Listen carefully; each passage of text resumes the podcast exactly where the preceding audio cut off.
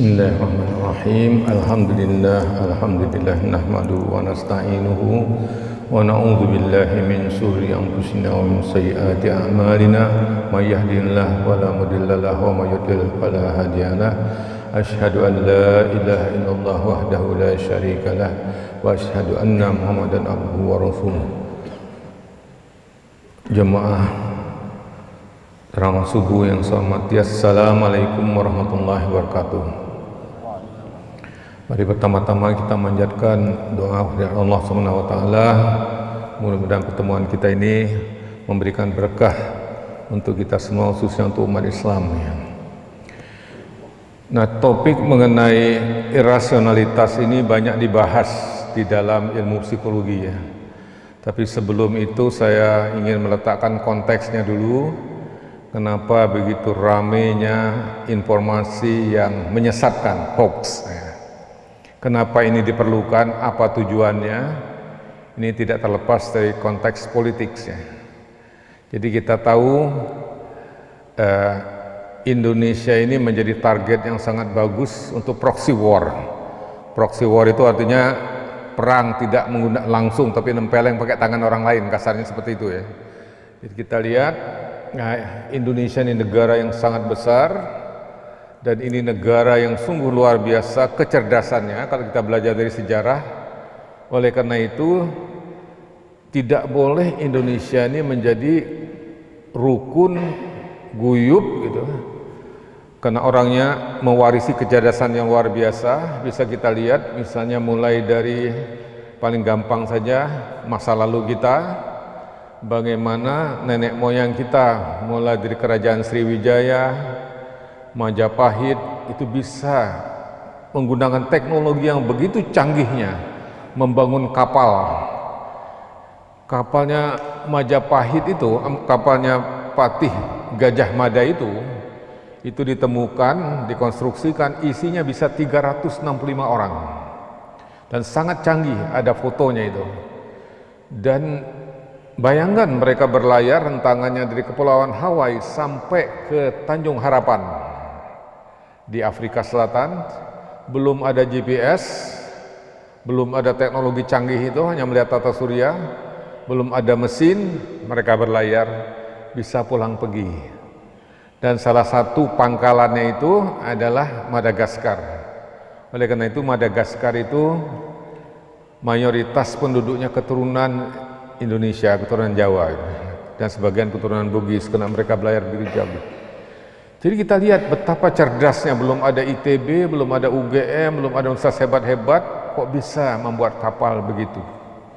Dilanjutkan dengan cerita yang lain, misal Pinisi Nusantara berlayar tanpa mesin, tanpa peralatan canggih, mengulangi masa lalu, berlayar ke Vancouver, Kanada, itu tanpa mesin, tanpa radar segala itu bisa bolak-balik. Maka terkenal bukunya Pinisi Nusantara. Itu contoh yang sederhana. Kecerdasan nenek moyang kita. Belum lagi ada Borobudur, belum lagi ada macam-macam peninggalan yang lain, tapi yang terakhir yang paling mencengangkan dunia adalah ditemukannya situs Gunung Padang di Cianjur. Itu merubah paradigma cara pandang kejadiannya peradaban manusia ini. Teori pertama mengatakan itu adalah Santorini, itu sebuah pulau, itulah cikal bakal. Maka Santorini yang di Athena di Yunani itu, itu disebut dengan Atlantis, karena itu cikal bakal dari dunia dan seisinya ini. Itu 3000 tahun yang lalu teorinya. Kemudian disanggah yang lain, pakar lain mengatakan tidak. Peradaban umat manusia itu sudah ada 4000 tahun yang lalu yaitu ditemukannya piramid di Mesir, kemudian Giza dan kemudian cerita tentang Firaun sudah ada di kitab suci. Baik di Quran maupun di Injil. Itu berapa ribu tahun yang lalu? 4000 tahun yang lalu katanya sudah ada cerita itu. Tapi begitu ditemukannya situs Gunung Padang yang di Cianjur itu, Dunia menjadi sangat tercengang melihat betapa cerdasnya nenek moyang kita itu. Kena situs itu 5200 tahun yang lalu. Dan batu-batunya itu beda banget dengan yang di piramid. Kalau piramid itu dibikin piramid itu batu alam dipotong-potong disusun jadi piramid. Tapi situs Gunung Padang batunya ditempa, dicampur logam dengan perkat yang namanya resins. Itu adalah terbuat dari pohon pinus. Bayangkan cerdasnya nenek moyang kita. 5200 tahun yang lalu sudah bisa seperti itu. Ini gambaran oleh karena itu kita ini mewarisi genetik orang cerdas. Oleh karena itu sangat berbahaya Indonesia ini kalau orangnya rukun. Karena dia bisa membangun kekuatan ekonomi dan kekuatan politik karena kekayaannya luar biasa Indonesia ini. Emasnya banyak, minyaknya banyak, uraniumnya banyak, thorium, bahkan thorium di kampung saya di Pulau Bangka Belitung itu bekas penggalian timah itu ada bahan nuklir yang namanya thorium begitu besar cadangannya itu sudah dikaji oleh ITB itu tidak habis dalam 100 tahun digunakan untuk menerangi membuat listrik untuk seluruh kawasan negara ASEAN. Jadi luar biasa kekayaan kita nah kalau kita kaya orangnya pintar ini akan menjadi kekuatan dunia superpower yang lain. Dan apalagi Indonesia ini mayoritasnya berpenduduk Islam akan sangat berbahaya kalau mereka rukun. Jadi kita lihat nanti bagaimana proses irasionalitas itu dimainkan. Cuma saya kasih latar belakangnya dulu supaya kita paham tidak mudah menyebar hoax segala itu nanti ya.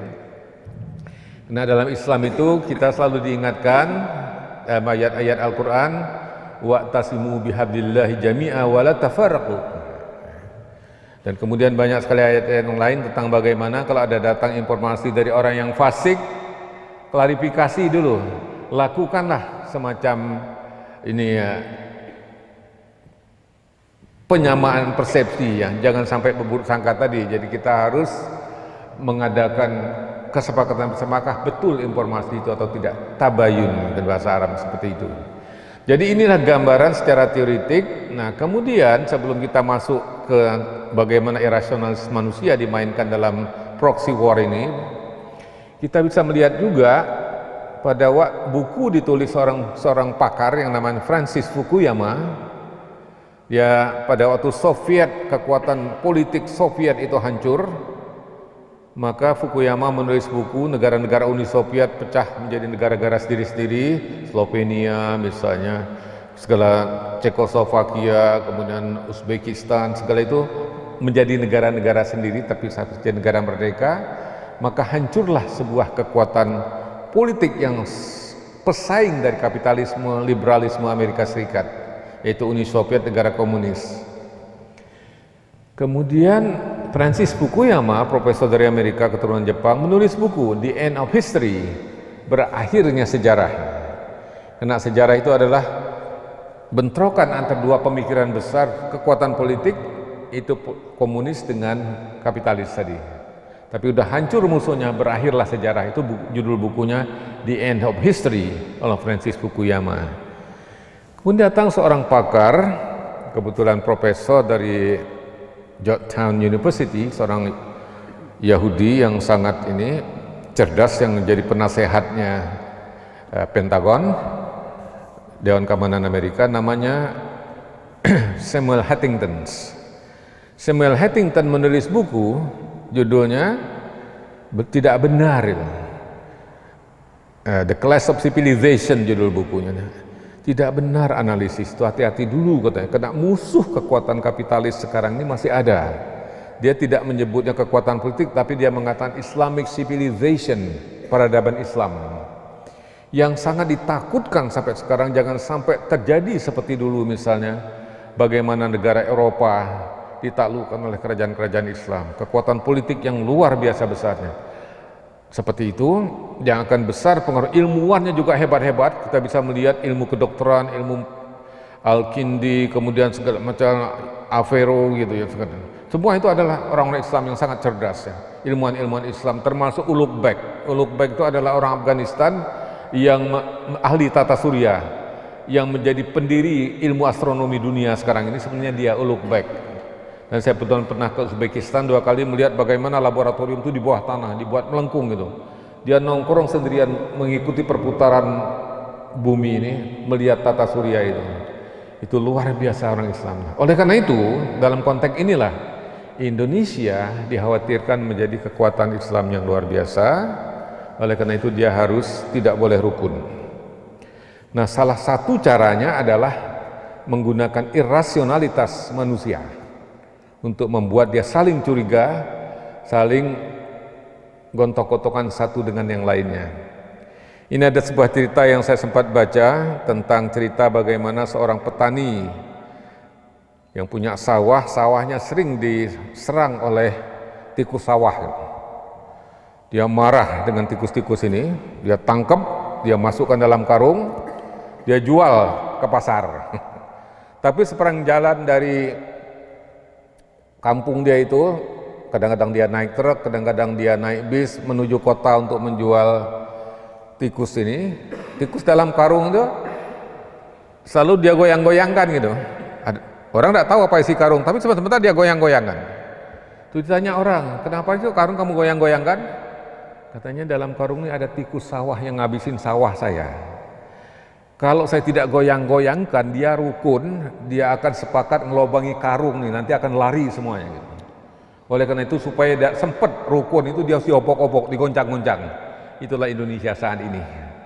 Jadi kita harus waspada karena kekuatan yang dikhawatir kalau negara barat penduduk yang mayoritas Islam dengan jumlah 230 juta lebih itu yang mayoritasnya Islam dan kemudian juga kita melihat bagaimana kecerdasan nenek moyang mereka yang terwarisi oleh generasi kita ini kalau ini sampai menjadi kekuatan intelektual ini akan sangat berbahaya bagi negara lain. Itu duduk perkaranya dulu supaya kita lihat, supaya kita sadar bagaimana isu hoax ini tidak hanya menjadi industri, tapi adalah proxy war untuk mengadu domba antar orang yang lain. Itu bagian pertama supaya kita sadar kenapa ada hoax. Begitu hebatnya sekarang ini dari segi politiknya. Kemudian kita masuk kepada ilmu psikologinya sekarang. Jadi ilmu psikologi itu banyak teori, salah satu teori yang sangat-sangat lama itu manusia itu mempunyai tiga lapis, tiga lapis kesadaran. Bagian sadar, nih, ini dari Sigmund Freud ini. Kemudian prasadar, antara sadar sama tidak. Kemudian ketidaksadaran. Itu segala informasi itu yang masuk itu, tidak semuanya tersimpan dalam kesadaran kita, sering kali ditekan ke dalam alam tidak sadar kita. Nah, salah satunya kita diperangi melalui media. Begitu banyak informasi masuk, sehingga kita simpan dalam ketidaksadaran kita, satu ketika akan muncul. Nah, informasi ini yang membuat katakanlah information processing di otak kita itu akan menjurus mudah sekali katakanlah percaya dengan hoax itu. Kemudian ada pakar yang lain yang sangat ramai dibicarakan dan bahkan pemenang Nobel ekonomi orang psikologi. Jadi dalam sejarah ekonomi itu pemenang Nobel ilmu ekonomi selalu ekonom, tapi sekali ini adalah psikolog. Namanya Daniel Kahneman. Jadi orang mudah sekali menarik kesimpulan dari sepotong informasi. Langsung menarik kesimpulan seakan-akan itu sebuah kebenaran. Jadi mudah sekali kita menarik informasi yang salah seakan-akan kebenaran. Jadi ada istilah dia itu heuristik. Heuristik itu jalan pintas untuk menarik kesimpulan. Misalnya kita tahu, kita lupa dengan base, base rate istilah itu. Jadi base rate itu kemungkinan itu terjadi. Misalnya sudah ada data menunjukkan sebuah merek sepeda motor misalnya dari data yang resmi itu kerusakannya kecil sekali. Jadi dari 100 sepeda motor paling-paling tiga sepeda motor misalnya. Itu base rate namanya. Tapi begitu ada contoh keluarga dia beli motor jenis merek tertentu, belum ada sebulan sudah rusak. Langsung dari kesimpulan, jangan beli motor itu, brengsek. Saudaraku itu baru tiga bulan motornya sudah rusak. Jadi lupa dengan base rate. Seakan-akan kasus ini sudah cukup untuk narik kesimpulan. Begitu cara kerja otak gitu salah satunya, mudahnya menarik kesimpulan. Demikian juga seperti susahnya memberantas rokok itu, karena sudah diceritakan rokok berbahaya untuk kesehatan segala macam. Nanti ada orang katakan si mbahku itu umurnya walung puluh walu. isi hurip rokok ekor sepur. Tetonggo itu umurnya baru 34 tahun ngerok. Wis mati orang rokok dek dan ya. Cepat sekali kita narik kesimpulan. Itu cara kerja otak kita ini. Nah ini jadi contoh-contoh irrasionalitas tadi banyak ya. Jadi salah satunya kita menarik kesimpulan melalui ciri-ciri yang melekat pada orang. Jadi orang ini misal kalau seorang pustakawan biasanya ah itu kacamata, berkacamata terus pendiam, badannya agak kurus. Nah, itu mesti pustakawan. Cepat kita tarik kesimpulan contoh-contoh. Nah, begitu orang mulai pakai baju muslim, mulai apalagi tambah jenggot, awas teroris. Cepat sekali dia narik kesimpulan. Itu contoh-contoh bagaimana otak kita dimainkan itu di frames, di framing sama media. Nah, yang menguasai media itu siapa? Jadi media massa itu mengeprem supaya otak itu berisi hal-hal yang kayak gitu. Jadi misal kalau tidak suka dicari informasi, diekspos terus-terusan supaya masuk ke dalam ketidaksadaran kita. Jadi begitu ada berita hoax langsung nyambung. Dengan itu kita langsung percaya. Itu contoh cara kerja bagaimana otak kita itu betapa tidak rasionalnya kadang-kadang. Nah, jadi terkait dengan informasi ini, jadi bagaimana kita ini sebagai orang yang mewasi katakanlah kejadian luar biasa negara Islam, jadi the class of civilization itu menceritakan bagaimana tidak boleh ada kekuatan Islam yang kuat. Nah Indonesia dianggap penduduk muslimnya luar biasa, maka dibenturkan terus dengan istilah radikalisme dan segala macam. Nah siapa yang dimainkan? Nah tahun yang lalu saya menghadiri konferensi di uh, New Zealand ya, di Auckland. Kemudian ada berapa disertasi dari Indonesia tanpa menyebut dari universitas mana nanti Sarah itu berbahaya. saya tahu ini dikasih beasiswa, saya tanya itu yang nulis, yang bayarin kamu sekolah siapa segala macam. Disertasi terlalu mengkaji radikalisme Islam di Indonesia yang nyponsori orang barat. Jadi kadang-kadang mereka mecah belah itu paling gampang. Orang-orang yang tidak kuat pemahamannya ini dikasih beasiswa, dikasih duit, suruh meriset itu banyak sekali Anda lihat pemberian beasiswa tapi nanti dia giring. Mohon risetnya tentang ini, tentang ini. Itu satu. Yang satu lagi disertasinya tentang belief in conspiracy theory, kepercayaan pada teori konspirasi. Itu juga satu yang sangat nyebelin bagi saya. Jadi pada waktu presentasi saya saya kritik habis-habisan sampai profesor datang ke saya karena saya tahu nih maksudnya apa. Gitu ya. Jadi kita tidak sadar kadang-kadang beasiswa segala macam tuh hati-hati. Kalau kalau kita mau kita kritis, jangan sampai kita digunakan untuk kepentingan yang kayak gitu ya. Karena mereka ingin mengkaji kondisi kita ini. Berapa tahun yang lalu kami ada konferensi di Solo waktu itu tentang peace psychology, psikologi perdamaian ada banyak sekali bule-bule, banyak mayoritas Yahudi lagi itu datang ke Solo itu kita ngumpul. Nah kemudian mereka cerita tentang pemberian beasiswa juga untuk pesantren, untuk madrasah. Gitu. Setelah saya tanya apa yang diriset, ternyata mereka menggunakan internet untuk network dengan siapa. Ternyata ini salah satu cara dia mendeteksi jaringan-jaringan terorisme itu. Itu contoh kita harus hati-hati ya silahkan terima, tidak masalah kok banyak yang baik juga, Om saya juga dibayarin Amerika kok sekolah itu, dokter saya. Tapi kita kritis ya, jangan sampai mudah dilarutkan seperti itu.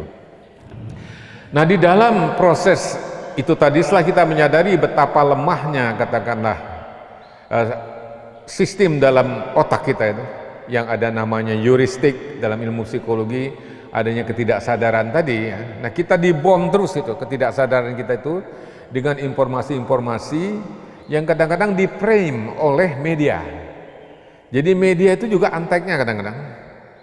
Dan kita tahu lewat itu dia menggunakan nge-frame mindset kita itu. Misal ada kasus sedikit langsung cap terorisme Islam. Langsung dia cepat sekali dia mencarikan ini. Ada informasi begini langsung dia. Apalagi sekarang lagi musim uh, kampanye pilpres. Kalau kita baca Facebook itu industri ya, Facebook itu industri. Pertama industri pulsa. Yang punya siapa lagi? Yahudi juga kan, beli lagi semua. Nah, yang menarik juga profesor-profesor pembimbing saya itu semuanya tiga orang tuh Yahudi, pintar-pintar. Karena mereka menguasai perguruan tinggi itu 67 persen gitu. Seperti itu ya. Jadi kita, kita lihat. Nah kembali ke situ, jadi lepas dari persoalan Yahudi atau tidak. Nah saya mau cerita tentang irasionalitas manusia berdasarkan riset saya sendiri. Disertasi saya itu riset tentang pengelompokan orang in group out group. Kelompok saya bukan kelompok saya. Ya. Nanti kita kaitkan jadi Indonesia ini dipecah-pecah dengan pengelompokan-pengelompokan itu dikasih label. Misalnya Islam ini, Islam itu, Islam ini, itu satu cara untuk memecah belah tadi. Mulailah timbul fanatisme in group kelompok saya dan out group kelompok luar. Orang menjadi sangat irasional. Jadi satu perilaku dari kelompok luar itu, out group itu, langsung digeneralisasi seakan-akan semua anggota out group itu seperti itu. Nah ini riset saya menggunakan anak Amerika, kemudian mereka tidak kenal saling kenal mengenal, cuman saya dalam penelitian saya itu orang-orang saling tidak kenal ini saya suruh nebak jumlah titik-titik. Saya proyeksikan titik pakai OHP, ada berapa banyak titik, you know. mahasiswa ini masuk Amerika. Kemudian setelah itu saya beritahu mereka sebenarnya tidak berdasarkan titik-titik, saya hanya mengelompokkan dia sembarangan aja. Oke, kamu ada kelompok yang overestimate, nebak terlalu tinggi. Yang satu lagi underestimate, nebaknya rendah. Jadi saya bikin dua kelompok. Setelah itu mereka saya suruh bermain. Kemudian dalam permainannya satu orang dari kelompok dia, satu orang dari kelompok luar yang yang membagi yang jadi jurinya yang membagikan ininya hadiahnya nanti adalah salah satu anggota kelompok ini. Dan saya sudah bikin cara bagi hadiah itu mesti tidak bisa sama rata. Selalu dia harus milih lebih banyak untuk kelompok mana. Walaupun skornya sama, dia harus memilih siapa yang dikasih. Terlalu selalu dia memberikan pada kelompok dia itu lebih banyak, walaupun tidak kenal mengenal. Ini masalahnya. Kemudian saya lanjutkan eksperimen bagaimana kalau dalam permainan itu salah satu anggota itu curang, merugikan kelompok lain. Nah, apakah dia akan balas? Ternyata betul juga itu. Jadi walaupun dia tidak pernah ketemu dengan orang dia merasa satu kelompok dia, begitu dia tahu orang yang nyurangin teman dia, dia balas dicurangin juga. Jadi begitu irasionalnya manusianya. Oleh karena itu kita sekarang dipecah belah dengan pemberian nama-nama kelompok. Jadi hati-hati kita tuh muslim Islam. Jangan terbelenggu oleh nama Islam ini, Islam itu, part kelompok katakanlah golongan Islam ini, golongan Islam itu itu yang menyebabkan kita mudah sekali diadu domba. Kita akan melihat kelompok kita selalu benar, kelompok lain tidak benar. Nah, kemudian yang menarik lagi dalam eksperimen tadi itu, perilaku satu kelompok digeneralisasi seakan-akan kelompok lain itu semuanya seperti itu. Dan kita tidak tahu perilaku. Mohon maaf ya saya kasih ilustrasi saja ya ini kita heboh dengan pembakaran bendera tauhidnya. Kita tidak tahu yang melakukan itu sebenarnya siapa. Tapi kena kelompok itu di belakangnya berseragam dari partai, katakanlah kelompok Islam dari aliran tertentu tanpa nyebut namanya. Yang kita tidak tahu jangan-jangan yang masuk di sana itu bukan orang itu sama sekali, tapi dia sengaja bikin masalah.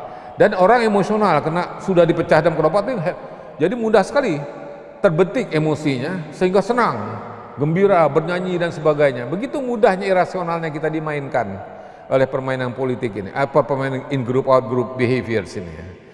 Jadi mohon kita secara teliti sebagai muslim kita bertabayun, berpegang teguhlah kita di jalan Allah. Yang penting dilihat dia itu agama Islam atau bukan gitu. Lepas dari partainya apa, kelompok mana nanti dulu. Dia adalah saudara.